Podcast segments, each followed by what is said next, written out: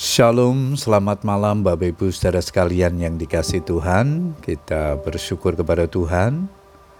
Kembali malam hari ini kita boleh datang kepada Tuhan untuk menaikkan ucapan syukur dan doa-doa kita. Namun sebelum berdoa, saya akan membagikan firman Tuhan yang malam ini diberikan tema memegang komitmen ayat mas kita di dalam 1 Samuel 13 ayat 13 firman Tuhan berkata demikian Perbuatanmu itu bodoh Engkau tidak mengikuti perintah Tuhan Allahmu yang diperintahkannya kepadamu sebab sedianya Tuhan mengokohkan kerajaanmu atas orang Israel untuk selama-lamanya.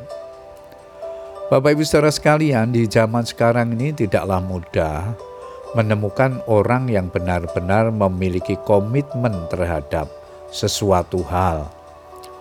Umumnya, orang mau melakukan sesuatu yang penuh komitmen apabila mendapatkan bonus atau hadiah yang menyenangkan hatinya. Orang juga akan bersemangat melakukan sesuatu ketika moodnya sedang baik. Begitu moodnya tidak baik, semangatnya akan menurun untuk melakukan sesuatu. Seseorang yang punya komitmen pasti tidak mempunyai alasan apa pun untuk berhenti di tengah jalan, meski ada rintangan yang menghadang di depan, apalagi sampai ingkar janji. Komitmen adalah hal yang sangat dibutuhkan dalam meraih kesuksesan atau keberhasilan.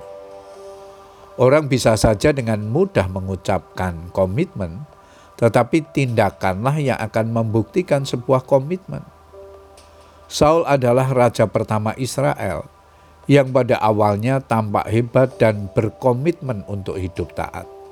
Tetapi apa yang menjadi komitmennya ketika diurapi menjadi raja tidak lagi mampu dipertahankannya.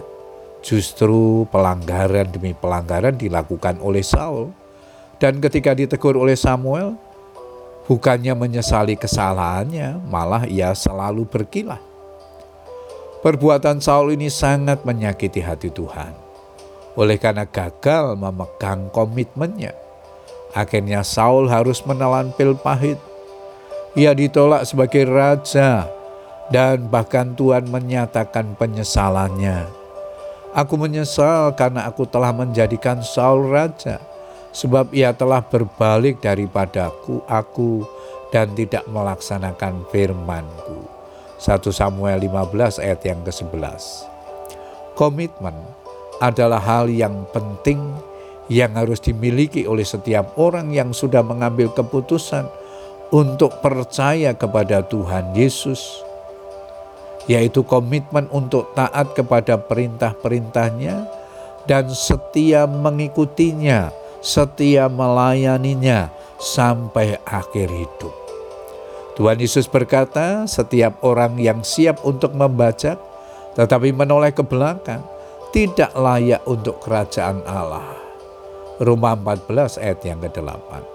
Milikilah komitmen seperti Rasul Paulus. Sebab jika kita hidup, kita hidup untuk Tuhan. Dan jika kita mati, kita mati untuk Tuhan. Jadi baik hidup atau mati, kita adalah milik Tuhan. Roma 14 ayat 8. Orang yang mempunyai komitmen takkan berubah sikap apa pun keadaannya. Puji Tuhan Bapak Ibu Saudara sekalian, biarlah kebenaran firman Tuhan yang kita baca dan renungkan pada malam hari ini menolong kita untuk terus setia memegang komitmen kita di hadapan Tuhan setia mengikut Tuhan, setia melayani Tuhan, apa pun keadaan yang sedang terjadi dalam kehidupan kita. Tetaplah setia sampai akhir hidup kita. Tuhan Yesus memberkati kita semua. Amin.